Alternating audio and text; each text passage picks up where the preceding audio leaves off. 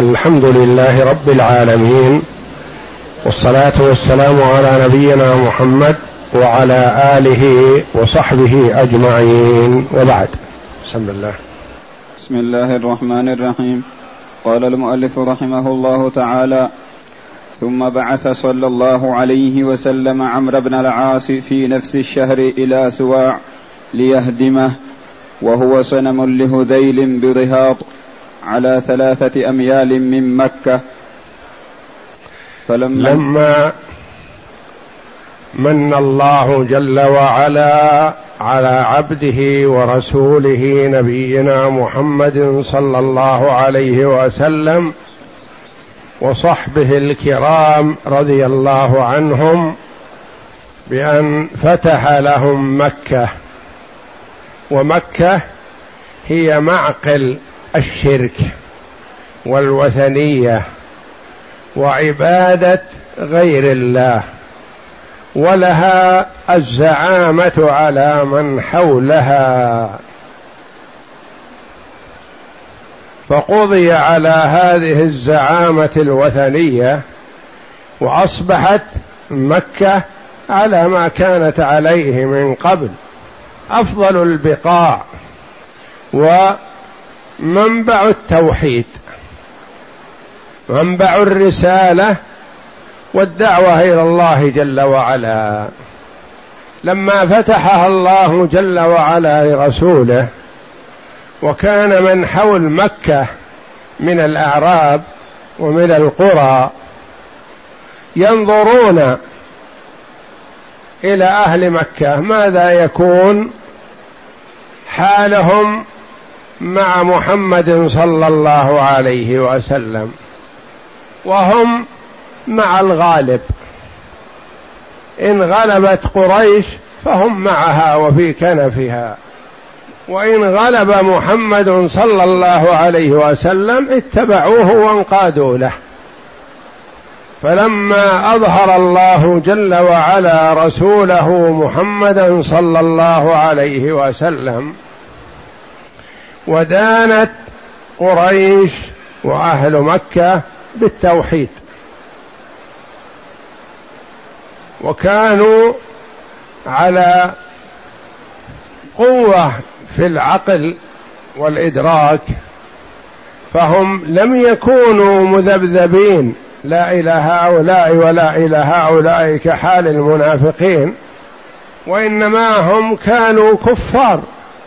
في وجه الدعوة فلما دخلوا فيها كانوا معها على طول الخط ومن الدعاة إلى توحيد الله.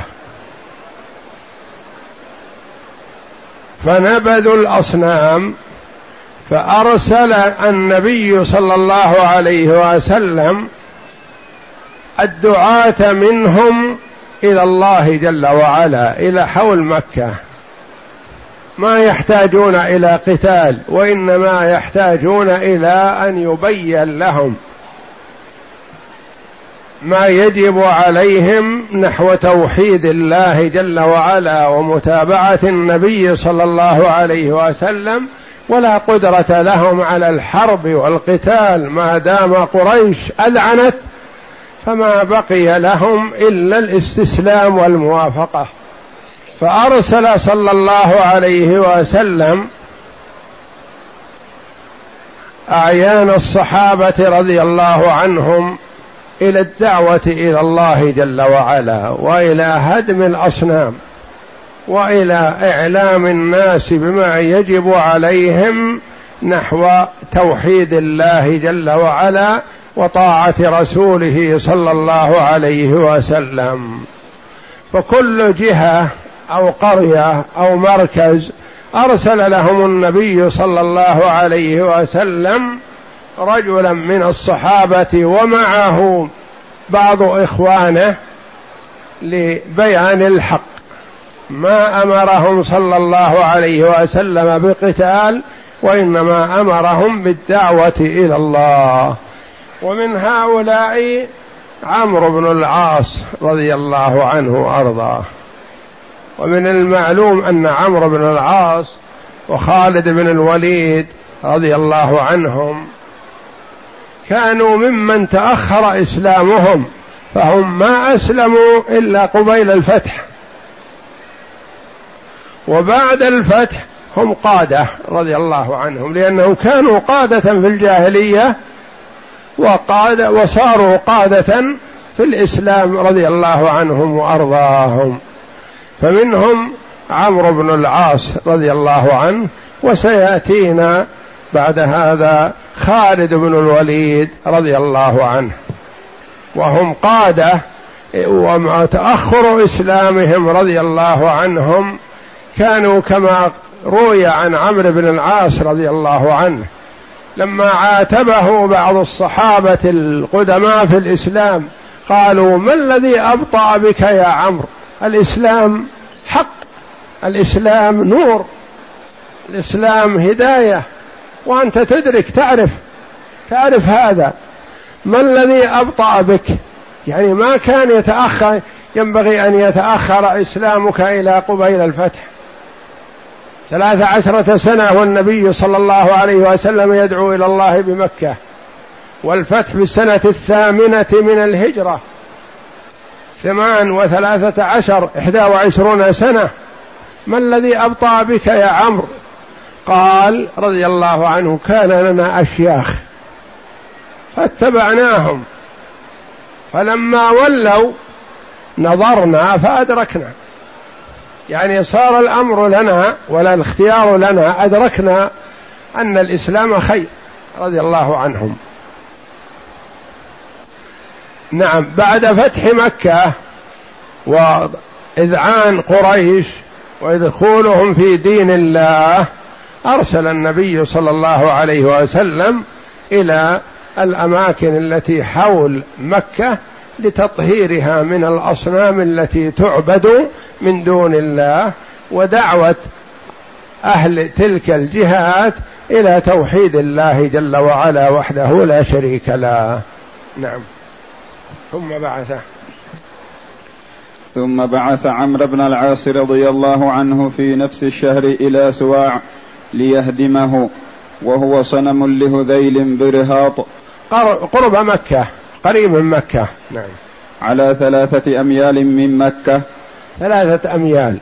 والميل واحد وستة من عشرة من الكيلو. ثلاثة أميال يعني ثلاثة مع ستة من عشرة أربعة أميال وشيء قد ما تصل ثلاثة ستة ثمانية عشر ما تصل إلى الخمسة خمسة كيلو نعم قريبة من مكة. نعم. فلما انتهى إليه عمرو رضي الله عنه قال له السادن ما تريد؟ قال أمرني رسول الله صلى الله عليه وسلم أن أهدمه. قال لا تقدر على ذلك. قال لما؟ لا يزال في جهله. قال يمنعك يمنع نفسه. ما تستطيع أن تهدم هذا الصنم لأنهم كانوا يجلونه ويعظمونه ويدعون له ويخافونه ويرجونه ويظنون أنه يتصرف في الكون. وهو حجر أو جماد لا لا حراك به ولا يدرك ولا يسمع ولا يعقل ولا ينفع ولا يضر. وإنما أفكار الجاهلية. نعم. قال لا لا تقدر على ذلك. قال لما قال تمنع. قال حتى الآن أنت على الباطل ويحك فهل يسمع أو يبصر؟ ثم دنا فكسره وأمر أصحابه فهدموا بيت خزانته فلم يجدوا فيه شيئا.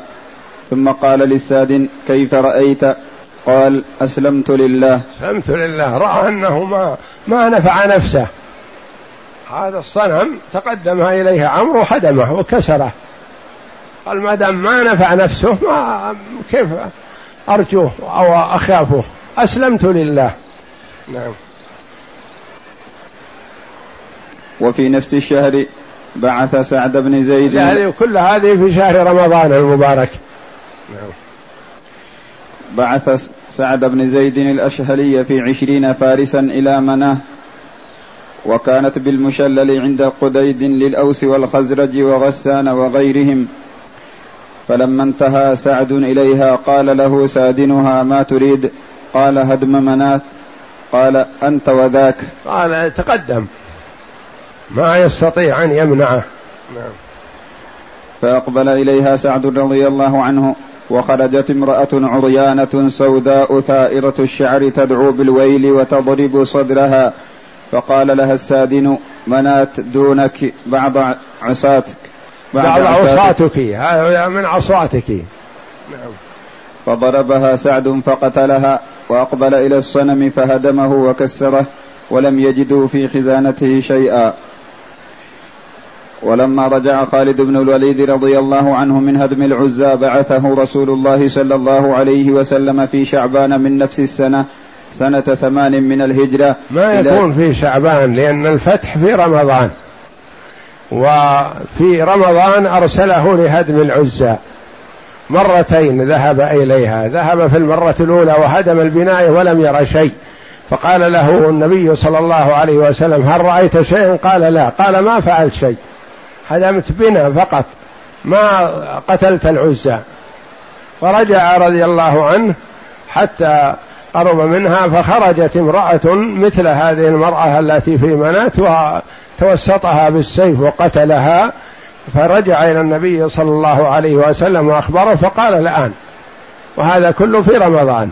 ثم بعد هذا أرسله صلى الله عليه وسلم إلى هؤلاء القوم ليدعوهم إلى الإسلام. يعني بعد رمضان ما يكون في شعبان. نعم. ولما رجع خالد بن الوليد رضي الله عنه من هدم العزى بعثه رسول الله صلى الله عليه وسلم سنة ثمان من الهجرة إلى بني جذيمة داعيا إلى الإسلام لا مقاتلا. فخرج في ثلاثمائة أرسله يدعوهم إلى الإسلام. وما أمره صلى الله عليه وسلم بقتال لأنه كأنه يعلم صلى الله عليه وسلم أنهم منقادين. ما بقي لهم قتال للنبي صلى الله عليه وسلم وقد قضى على قريش. ما أحد يجرؤ أن يقاتل النبي صلى الله عليه وسلم وقد أذعنت له قريش لأن عندهم قريش في القمة. إذا أذعنت ما بقي أحد يحارب سوى موضوع حنين وسيأتي. فخرج في ثلاثمائة وخمسين رجلا من المهاجرين والأنصار وبني سليم فانتهى إليهم فدعاهم إلى الإسلام فلم يحسنوا أن يعني يقولوا أصناف هؤلاء الذين مع خالد أصناف من المهاجرين ومن الأنصار ومن القبائل التي حول مكة والمدينة من بني سليم. نعم. فلم يحسنوا أن يقولوا أسلمنا فجعلوا يقولون صبأنا صبأنا. فجعل خالد إليهم فدعاهم إلى الإسلام. دعاهم إلى أن يسلموا ويوحدوا الله وينقادوا للنبي صلى الله عليه وسلم استجابهم قالوا صبأنا صبأنا. لأنه كان عندهم قبل فترة يسمون المسلمين الصابئين. صابئ.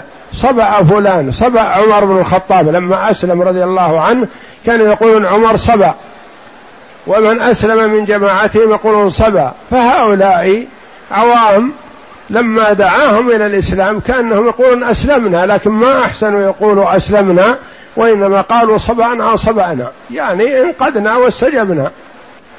فأعمل فيهم السيف رضي الله عنه وأرضاه. وحصل في هذا خطأ نعم. فلم يحسنوا أن يقولوا أسلمنا فيجعلوا يقولون صبأنا صبأنا. فجعل خالد يقتلهم ويأسرهم ودفع إلى كل رجل ممن كان معه أسيرا قتل رضي الله عنه ومن معه مجموعة منهم. ثم أسروا البقية. أسروا الكثير. ثم إن الأسرى سلم رضي الله عنه. كل واحد ممن معه هؤلاء صحبه سلمهم أسير. قال أمسكوا أسيركم هذا. كل واحد مسك أسيره. ثم بعد فترة قال لهم رضي الله عنه كل واحد يقتل أسيرة. فبنو سليم قتلوا أسراهم والذي معهم. المهاجرون والأنصار رضي الله عنهم لأنهم تفقهوا في الدين وعرفوا دين الله جل وعلا حقيقة. قالوا لا ما نقتلهم يا خالد. قالوا اقتلوهم وأكد عليهم فأبوا. امتنع المهاجرون والأنصار أن يقتلوا أسراهم وقال عبد الله بن عمر لمن معه ومن حوله قال لا يقدم أحد منكم على قتل أسيره وإن أمركم خالد فلا طاعة له في معصية الله. كيف نقتل الناس يقولون صبأنا أسلمنا؟ يعني يقولون أسلمنا فنقتلهم.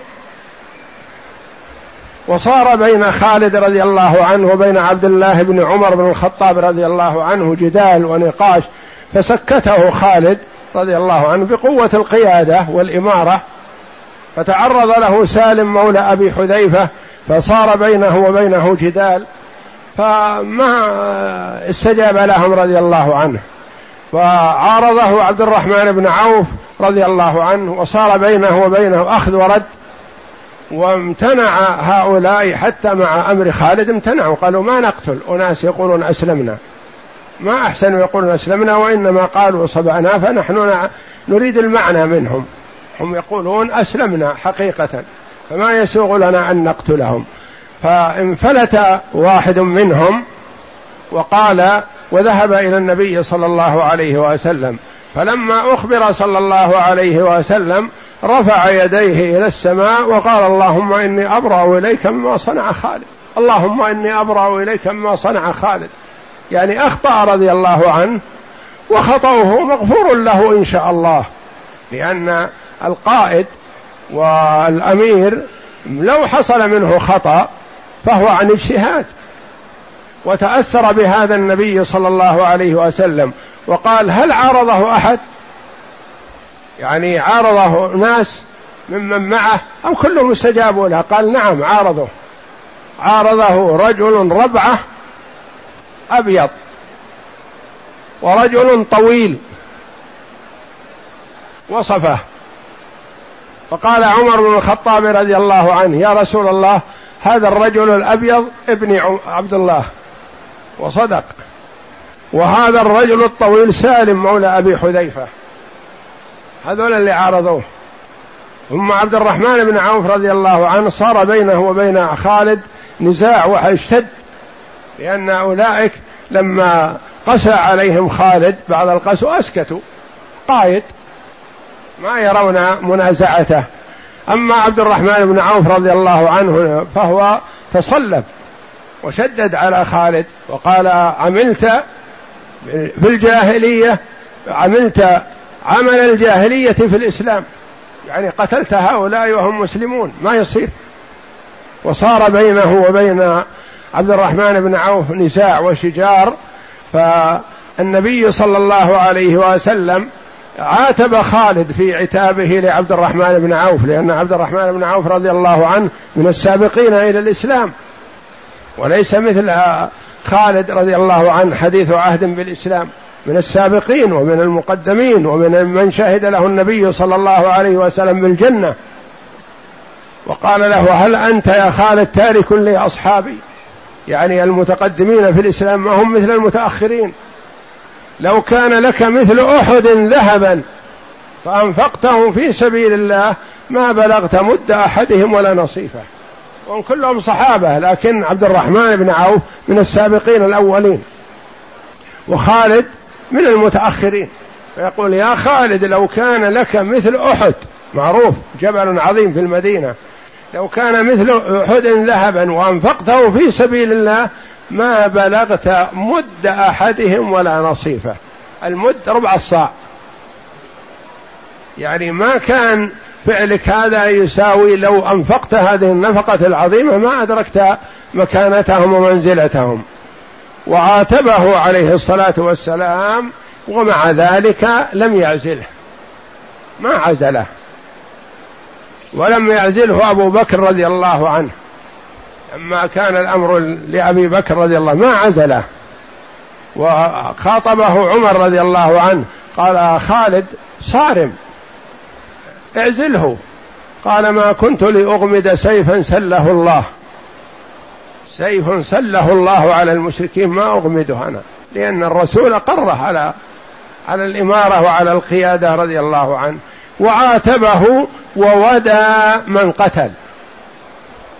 ما ضاعت الدماء وداهم عليه الصلاة والسلام وأرسل ديات كل من قتله خالد مع أن المهاجرين والأنصار امتنعوا من القتل لكن من أطاع خالد في القتل وقتل أسيره وداه النبي صلى الله عليه وسلم كما سيأتينا.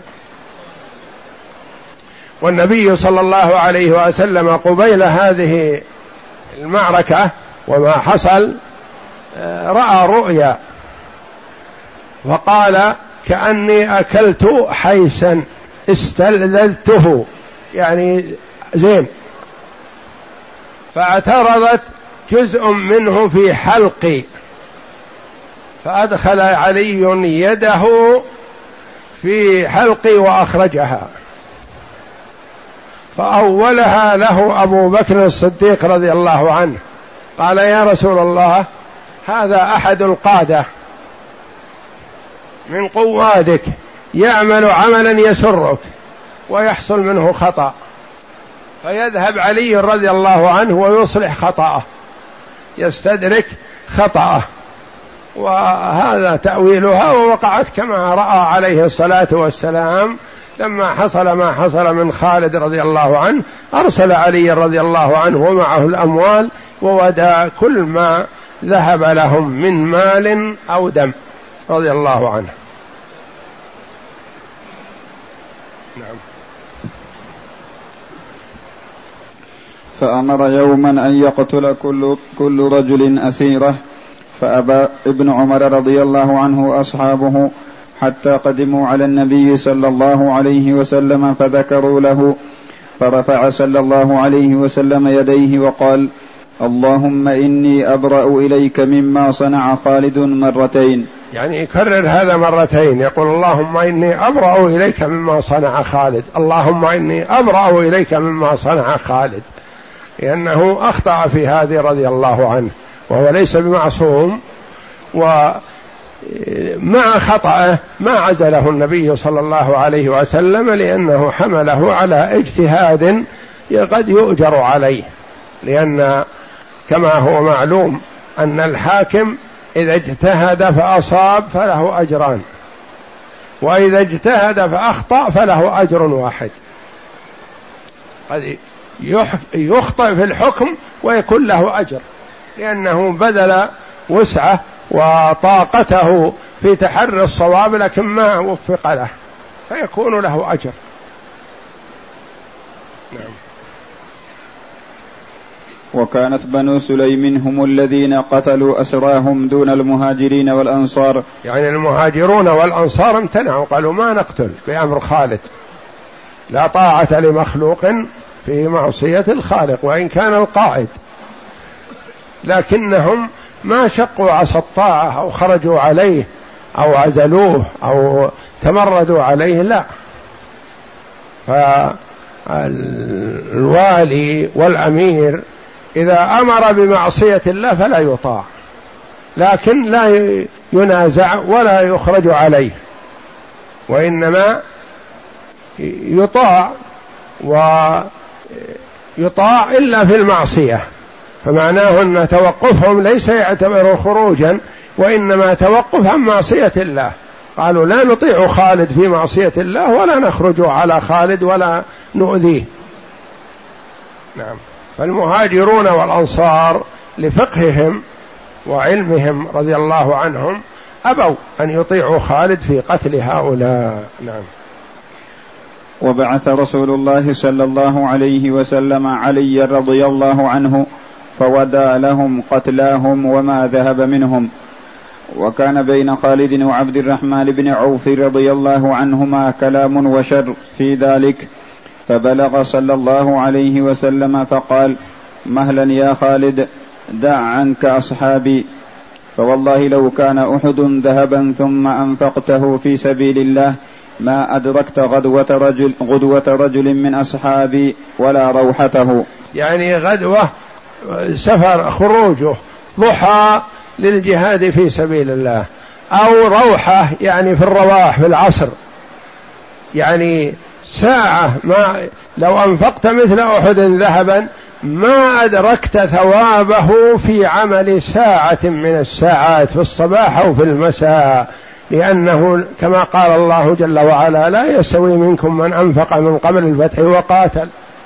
من أنفق قبل الفتح وقاتل أفضل وأعظم أجرا ممن كانت نفقه نفقته بعد الفتح.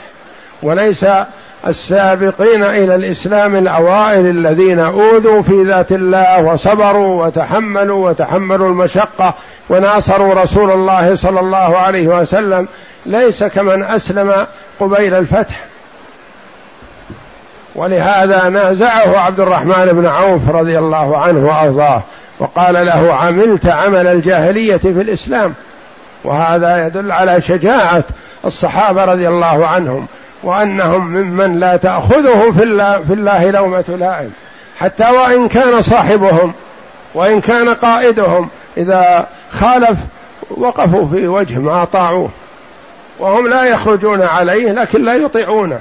وينازعونه ويبينون له الحق. وصار بين عبد الرحمن بن عوف وخالد رضي الله عنهما نزاع وشر يعني تنازعوا وتكلم بعضهم على بعض لأن كل واحد يرى أن الحق له رضي الله عنهم. حتى إن عبد الرحمن بن عوف قال يا خالد عملت عمل الجاهلية في الإسلام قتلت أناس أسلموا. هذا من عمل الجاهلية. فأجابه خالد رضي الله عنه قال ثأرت لأبيك لأن هؤلاء كان قتلوا أباه أبا عبد الرحمن بن عوف. قال ما ثأرت لأبي وإنما ثأرت لعمك لعمك الفاكه أخو والد خالد. قال ثأرت لخال لعمك. وهم ما ثأر لخالد لعمه رضي الله عنه ولا ثار لعوف والد عبد الرحمن بن عوف وإنما عن اجتهاد رضي الله عنه لكن ما أقره الصحابة رضي الله عنهم على اجتهاده وإن كان مجتهدا.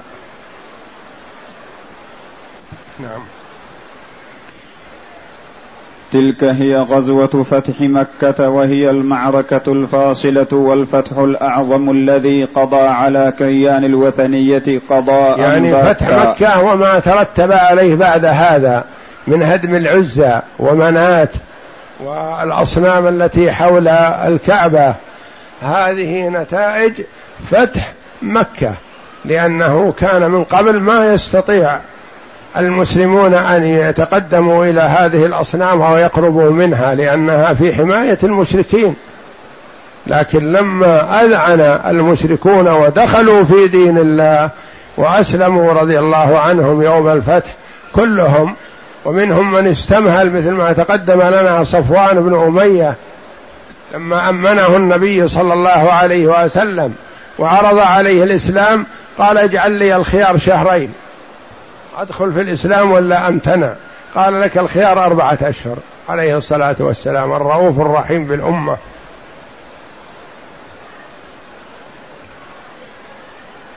تلك نعم. تلك هي غزوة فتح مكة وهي المعركة الفاصلة والفتح الأعظم الذي قضى على كيان الوثنية قضاء باتا. لم يترك لبقائها مجالا ولا مبررا في ربوع الجزيرة العربية. فقد كانت عامة القبائل تنتظر ماذا يتمخض عنه العراك والاصطدام الذي كان دائرا بين المسلمين والوثنيين. المسلمين محمد صلى الله عليه وسلم ومن معه في المدينة والوثنيين كفار قريش في مكة قبل أن يسلموا. نعم. وكانت تلك القبائل تعرف جيدا أن الحرم لا يسيطر عليه إلا من كان على الحق. وكان قد تأكد لديهم هذا الاعتقاد الجازم يعرفون أن الله مانع بيته من أن يبقى بأيدي الكفار.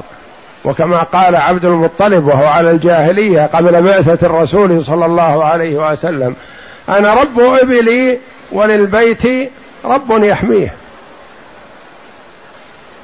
فحماه الله جل وعلا وطهره من الشرك. أي تأكد قبل نصف القرن حين قصد أصحاب الفيل هذا البيت فأهلكوا وجعلوا كعصف مأكول. وكان صلح الحديبية مقدمة وتوطئة بين يدي هذا الفتح العظيم. أمن الناس به وكلم بعضهم بعضا وناظره الله حكيم عليم حينما هيأ الصلح هذا قبل الفتح. الصلح تم في أواخر السنة السادسة من الهجرة وفتح مكة في رمضان من السنة الثامنة يعني قرابة سنتين هذا الصلح. واطمأن الناس وتفاهموا ومن أراد أمنه على الكفر على الكفر ومن هو على الإسلام على الإسلام خاصة بين مكة والمدينة. وكانت الغزوات آه، تكون خارج هذه المنطقة. وأما ما بين مكة والمدينة فحصل الصلح. ومن توفيق الله جل وعلا أن قريش نقضت العهد. لأنهم كفار. وما التزموا بعهد. نقضوا العهد فاستحقوا أن يغزوهم النبي صلى الله عليه وسلم وغزاهم. وإلا كان الاتفاق بينهم على عشر سنين. بين مكة والمدينة ما أحد يحارب أحد عشر سنين. لو استمروا على هذا لمات النبي صلى الله عليه وسلم وأبو بكر وعدد من الصحابة ما صار فتح مكة لكن الله حكيم عليم جل وعلا. قر عين رسوله صلى الله عليه وسلم بفتح مكة وبشره بذلك في قوله تعالى إذا جاء نصر الله والفتح ورأيت الناس يدخلون في دين الله أفواجا فسبح بحمد ربك واستغفره إنه كان توابا. إذا رأيت هذه العلامة فتهيأ للرحيل. بلغت الرسالة وأديت الأمانة ونصحت للأمة فهيأ إلى الرفيق الأعلى صلوات الله وسلامه عليه. كان عمره عمر مبارك وعمر ثمين. ما فيه جلسات تفكه أو آه، بدون عمل أو دون جهاد أو دون دعوة. كله مرصوص في العمل الصالح منظم فيه فلما هيأ الله جل وعلا الأمر كأن الله جل وعلا يقول له هيأ تعال إلينا إلى الرفيق الأعلى أديت ما عليك. إذا جاء نصر الله والفتح ورأيت الناس يدخلون في دين الله أفواجا فسبح بحمد ربك واستغفره إنه كان توابا تهيأ للرحيل. نعم. وكان صلح الحديبية مقدمة وتوطئة بين يدي هذا الفتح العظيم أمن الناس به وكلم بعضهم بعضا وناظره في الإسلام وتمكن من اختفى من المسلمين بمكة من إظهار دينه والدعوة إليه والمناظرة عليه. كان و... بعض المسلمين في مكة مسلم لكن مستخفي لا يستطيع الهجرة ولا يستطيع يظهر إسلامه. وكانوا مستخفين. فلما حصل الاتفاق بين النبي صلى الله عليه وسلم وكفار قريش أظهروا إسلامهم. خلاص ما يستطيعون هؤلاء ما يستطيع كفار قريش أن يؤذوهم. لأنهم إن آذوهم آذوا محمدا صلى الله عليه وسلم. فما استطاعوا أن يؤذوهم. فصاروا دعاة إلى الإسلام في داخل مكة رضي الله عنهم وأرضاهم. نعم. ودخل بسببه بشر كثير في الإسلام حتى إن عدد الجيش الإسلامي الذي لم يزد في الغزوات السالفة على ثلاثة آلاف إذ هو يزخر في هذه الغزوة في عشرة آلاف. يعني غزوة موتة أكثر الجيوش عدد ثلاثة آلاف. واللي جاءوا مع النبي صلى الله عليه وسلم في صلح أربعمية أو ألف وخمسمية والذين جاءوا مع النبي صلى الله عليه وسلم لفتح مكة عشرة آلاف. ففي هاتين السنتين هذه الزيادة العظيمة من ألف أربعمية أو من ثلاثة آلاف إلى عشرة آلاف. وزيادة واضحة جلية ذلك أن الناس خلال هالسنتين هذه بدأوا يتفاهمون ويتناقشون ويتناظرون في الإسلام. ما حد يتعدى على أحد. فتبين الحق والحمد لله.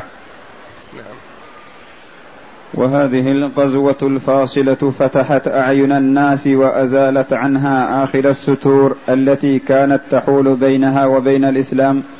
وبهذا الفتح سيطر المسلمون على الموقف السياسي والديني كليهما معا في طول جزيرة العرب وعرضها. فقد انتقلت إليهم الصدارة الدينية والزعامة الدنيوية. فالطور الذي كان قد بدأ بعد هدنة الحديبية لصالح المسلمين قد تم وكمل بهذا الفتح المبين وبدأ الله بعد جل وعلا سمى صلح الحديبية فتحا. إنا فتحنا لك فتحا مبينا. هذا قبل فتح مكة. وبعض الصحابة رضي الله عنهم ومنهم عمر يرون أن صلح الحديبية فيه غضاضة وفيه انهزام للمسلمين وفيه ضعف للمسلمين. والله جل وعلا أعلم وأحكم لما يترتب عليه فكان فتحا عظيما. وعمر رضي الله عنه يقول أو فتح هذا يا رسول الله؟ يعني استغراب هذا يكون فتح. من أسلم نرده إلى الكفار ومن كفر من عندنا ما يردونه إلينا؟ نعم. والطور الذي كان قد بدأ بعد هدنة الحديبية لصالح المسلمين قد تم وكمل بهذا الفتح المبين وبدأ بعد ذلك طور آخر كان لصالح المسلمين تماما وكان لهم فيه السيطرة على الموقف تماما ولم يبق لأقوام العرب إلا أن يفدوا إلى الرسول صلى الله عليه وسلم فيعتنقوا الإسلام ويحملوا دعوته إلى العالم.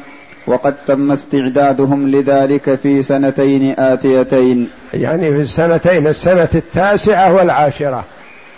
لأن فتح مكة صار في أواخر السنة الثامنة في رمضان وشوال في تطهير الحرم وما حوله من الشرك والأوثان والوفود بدأت تفد في السنتين التاسعة والعاشرة ولحق النبي صلى الله عليه وسلم بربه في أوائل السنة الحادية عشرة للهجرة. صلوات الله وسلامه عليه. وفي السنتين الأخيرتين عاد بدأ الناس يدخلون في دين الله أفواجا يأتون مبايعين.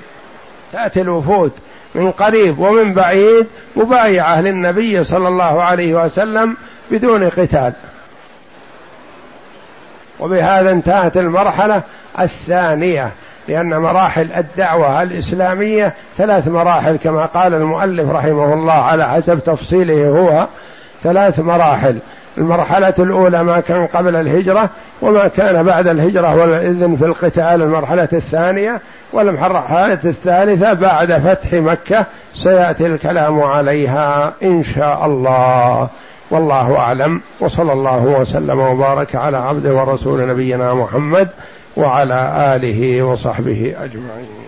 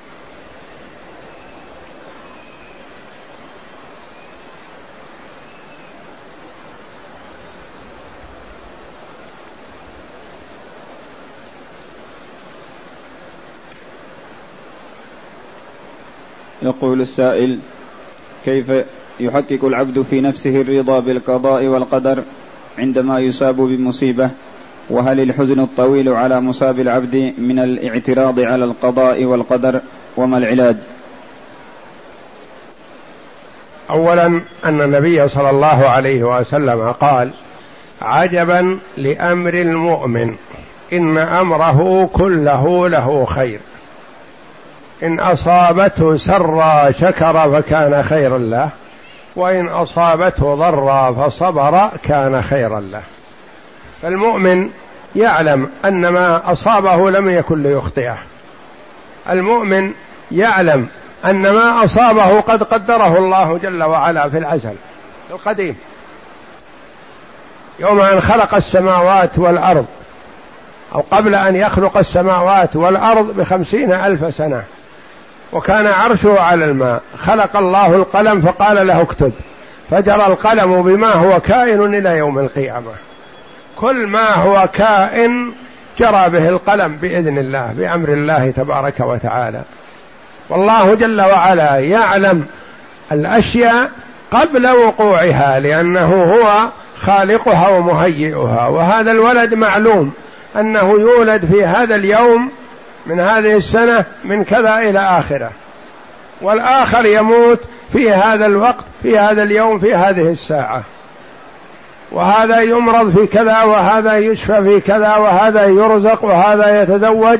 كل هذه الأحداث قد سجلها الله جل وعلا في اللوح المحفوظ قبل أن يخلق السماوات والأرض بخمسين ألف سنة.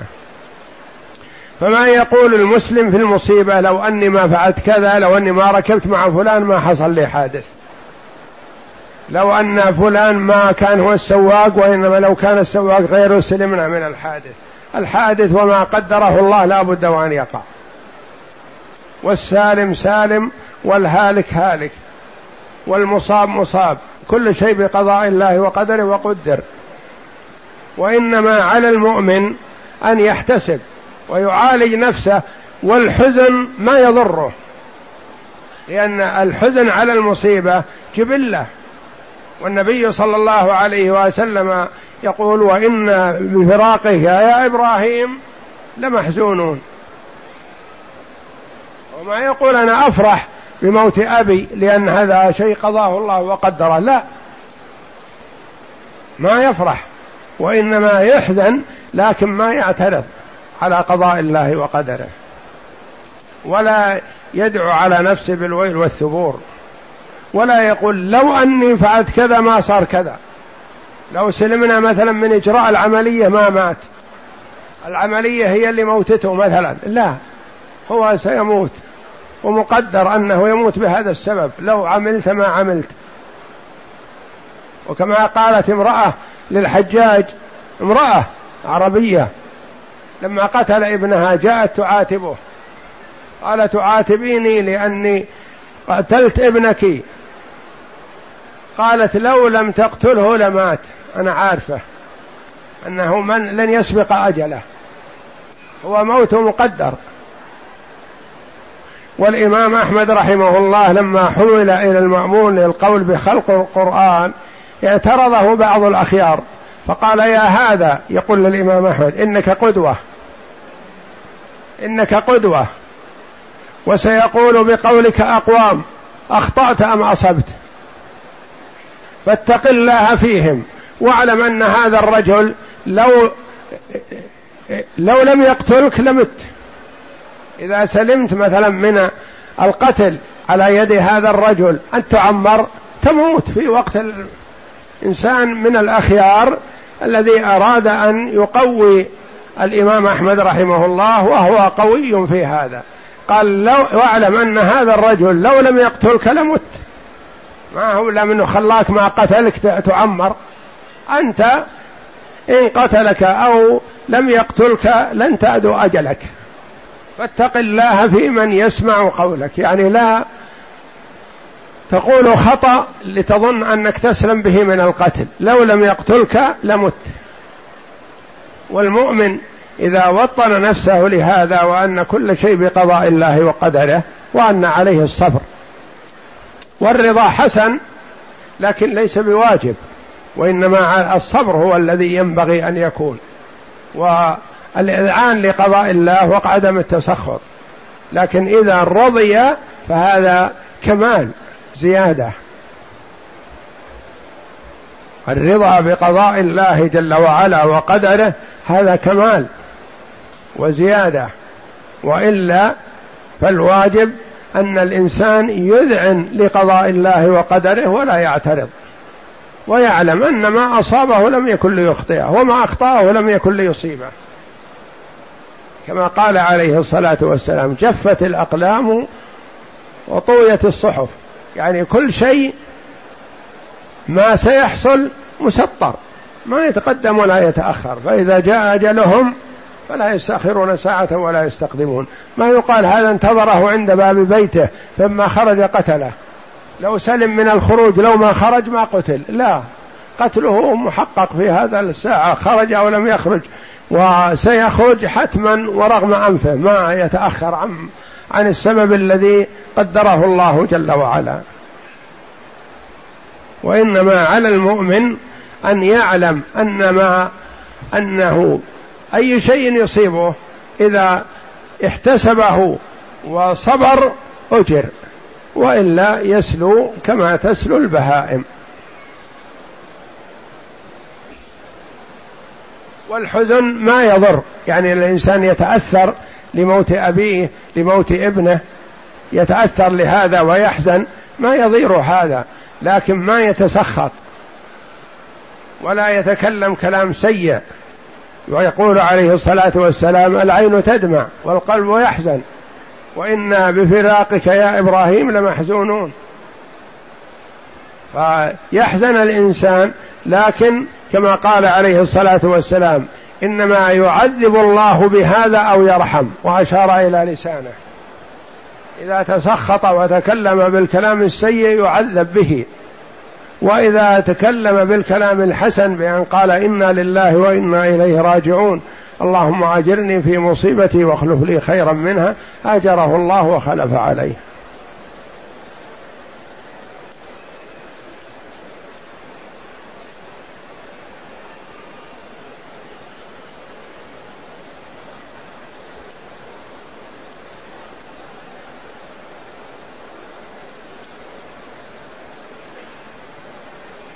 يقول السائل جاء في الحديث ناصيتي بيدك ما معنى هذا الحديث؟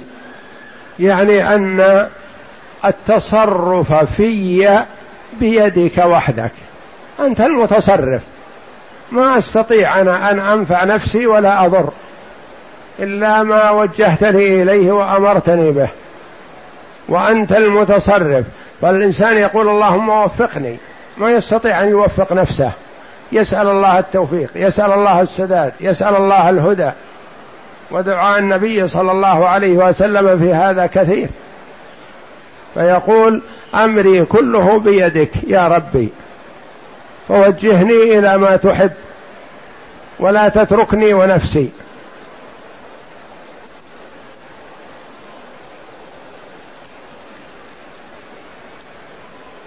يقول السائل ما حكم تأخير صلاة المغرب مع صلاة العشاء في السفر؟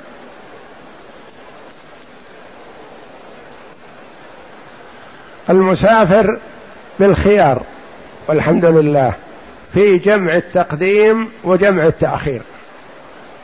وعليه أن ينظر الأرفق به الأحسن والأفضل أن ينظر الأرفق به.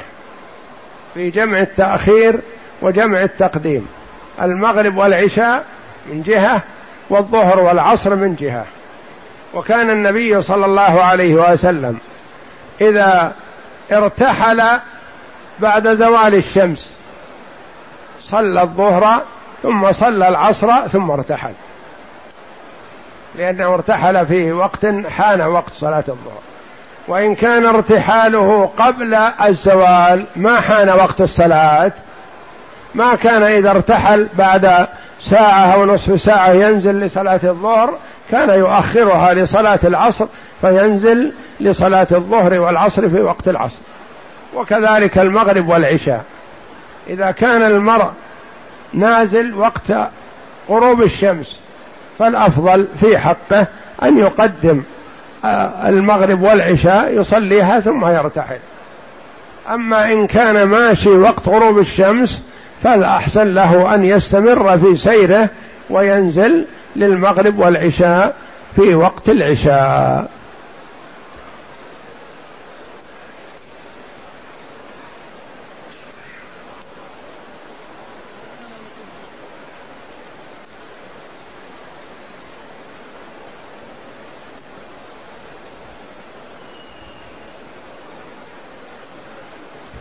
أين تقع بئر رومة؟ هذه في المدينة. كانت الماء العذب فيها يستقي فيه منها الناس. وكانت يقال ليهودي أو لرجل من أهل المدينة. وكان يبيع الدلو بمبلغ بمد تمر أو بر ما يعطيهم الماء مجانا. فقال النبي صلى الله عليه وسلم لصاحبها أتبيعني إياها بمنزل في الجنة بعين في الجنة. فكأن الرجل توقف وقال يا رسول الله هي قوتي وقوت عيالي. أنا ما لي كسب ولا عندي دخل إلا من هذه البئر.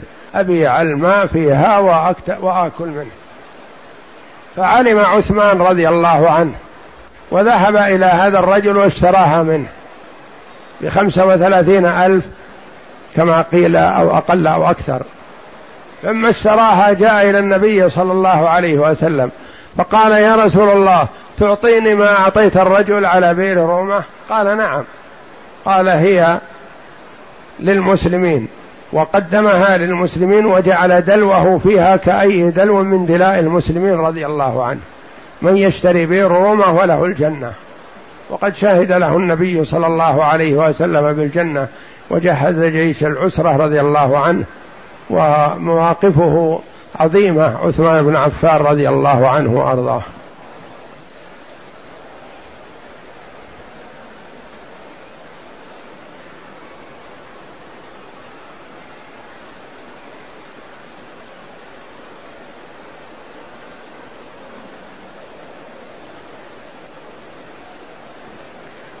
يقول السائل هل يلزم متابعة الإمام في حال نسيان صلى الإمام الظهر خمس ركعات وماذا يجب على المأمومين حال قيام الإمام للركعة الخامسة؟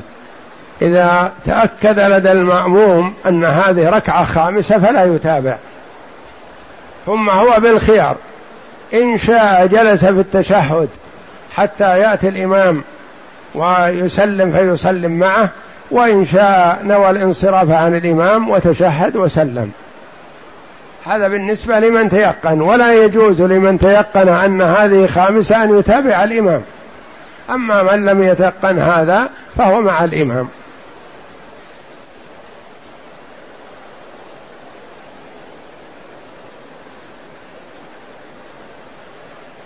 يقول السائل رجل فاتته التكبيرة الثانية من صلاة الجنازة فماذا يعمل؟ إذا فاته تكبيرة أو تكبيرتان من صلاة الجنازة أو ثلاث ودخل مع الإمام فهو بالخيار. المصلي المسبوق هذا بالخيار. إن شاء بدأ صلاة الجنازة من أولها يعني يقرأ الفاتحة ثم الصلاة على النبي صلى الله عليه وسلم وهكذا إلى آخرها. فإذا سلم الإمام أكمل ما بقي عليه. وإن شاء بدأ بالذكر الذي فيه الإمام. ثم إذا سلم الإمام قضى ما فاته من أولها. مثلا إذا دخل مع الإمام والإمام في الدعاء للميت فيدخل معه ويقول اللهم اغفر لحينا وميتنا وصغيرنا وكبيرنا إلى آخره.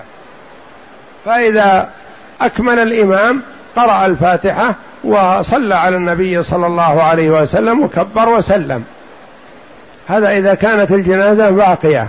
أما إذا كانت الجنازة محمولة بعد سلام الإمام مباشرة كما هو الحال في المسجد الحرام والمساجد الكبيرة إذا سلم الإمام حمل أهل الجنازة الجنازة. فالمسبوق ما بقي بين يديه شيء يصلي عليه وإنما يتابع التكبيرات ويسلم. يتابع التكبيرات كمل أربع تكبيرات ويسلم.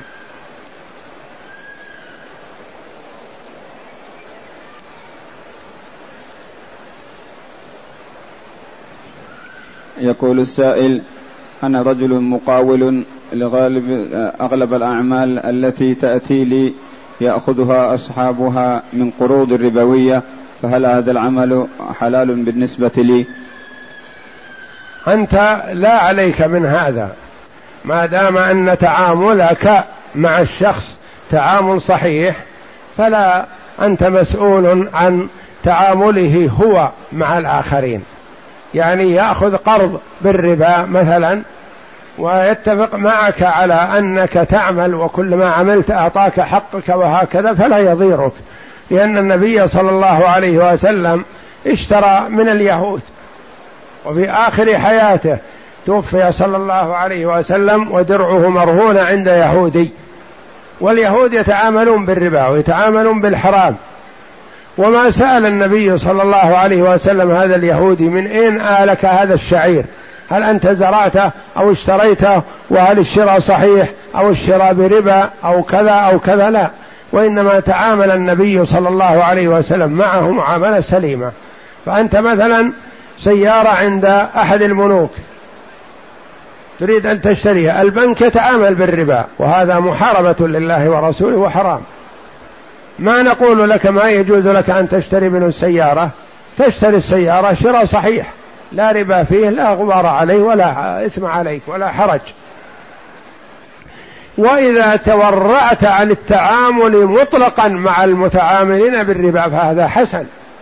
لكن من حيث الجواز فالنبي صلى الله عليه وسلم يشرع للأمة يشرع للأمة فيبين لهم الجواز عليه الصلاة والسلام. وأما إذا تورعت وقلت مثلا البنك كذا يتعامل بالربا أنا ما أتعامل معه بشيء. من باب عدم التعاون على الإثم والعدوان وتحذير الناس من التعامل بالربا هذا حسن. لكن لو تعاملت معه معاملة صحيحة اشتريت بواسطته ارضا أو بيتا أو سيارة أو نحو ذلك شراء صحيح بالتقسيط البين الواضح فلا غبار عليك ولا إثم عليك في هذا والحمد لله. حتى وإن كان هو يتعامل بالربا مع الآخرين.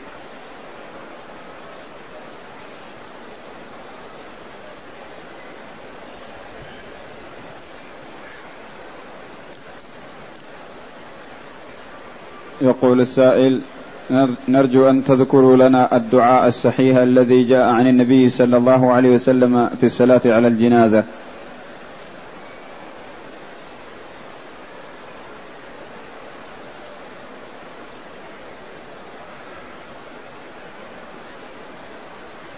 ورد عن النبي صلى الله عليه وسلم الدعاء لعموم المسلمين والدعاء للميت ويحسن بالإنسان في صلاة الجنازة أن يقرأ بعد التكبيرة الأولى الفاتحة الحمد لله رب العالمين.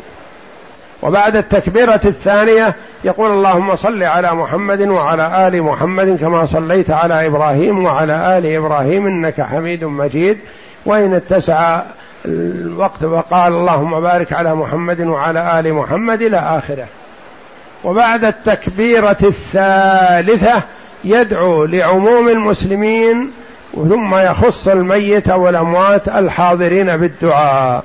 كأن يقول مثلا اللهم اغفر لحينا وميتنا وصغيرنا وكبيرنا وذكرنا وأنثانا وشاهدنا وغائبنا إنك تعلم منقلبنا ومثوانا وأنت على كل شيء قدير.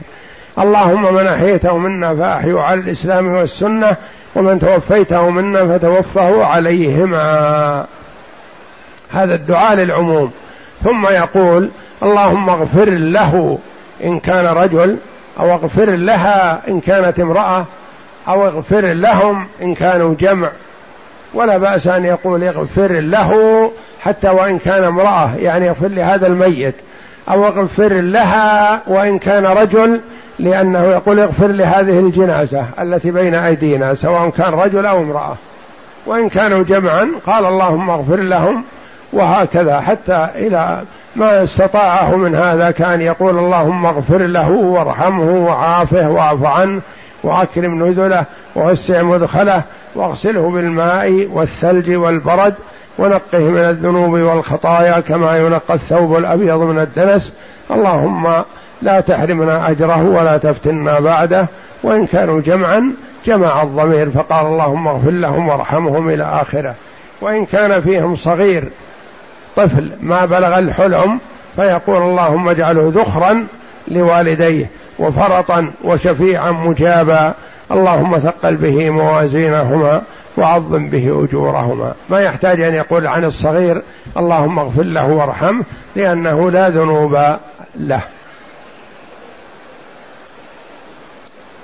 ويستحب رفع اليدين مع كل تكبيرة من تكبيرات الجنازة الأربع.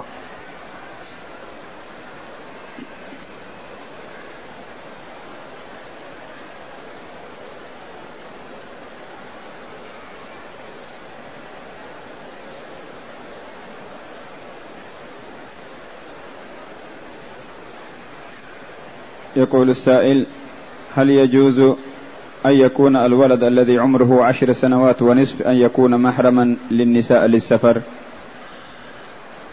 المميز يتفاوت المميزون من الأطفال يتفاوتون في من يكون عمره عشر سنوات وزي ونصف مثلا بالغ يكون رجل ينجب لأنه ممكن أن يحتلم وهو ابن عشر سنين. فيكون محرما. وكذلك المميز الذي عنده تمييز وإدراك وقوة يصلح أن يكون محرم. وإن كان بالعشر أو دون العشر. ومن الأطفال من يبلغ اثنتي عشرة سنة وثلاث عشرة سنة ولا يتكل عليه بشيء فهم يتفاوتون.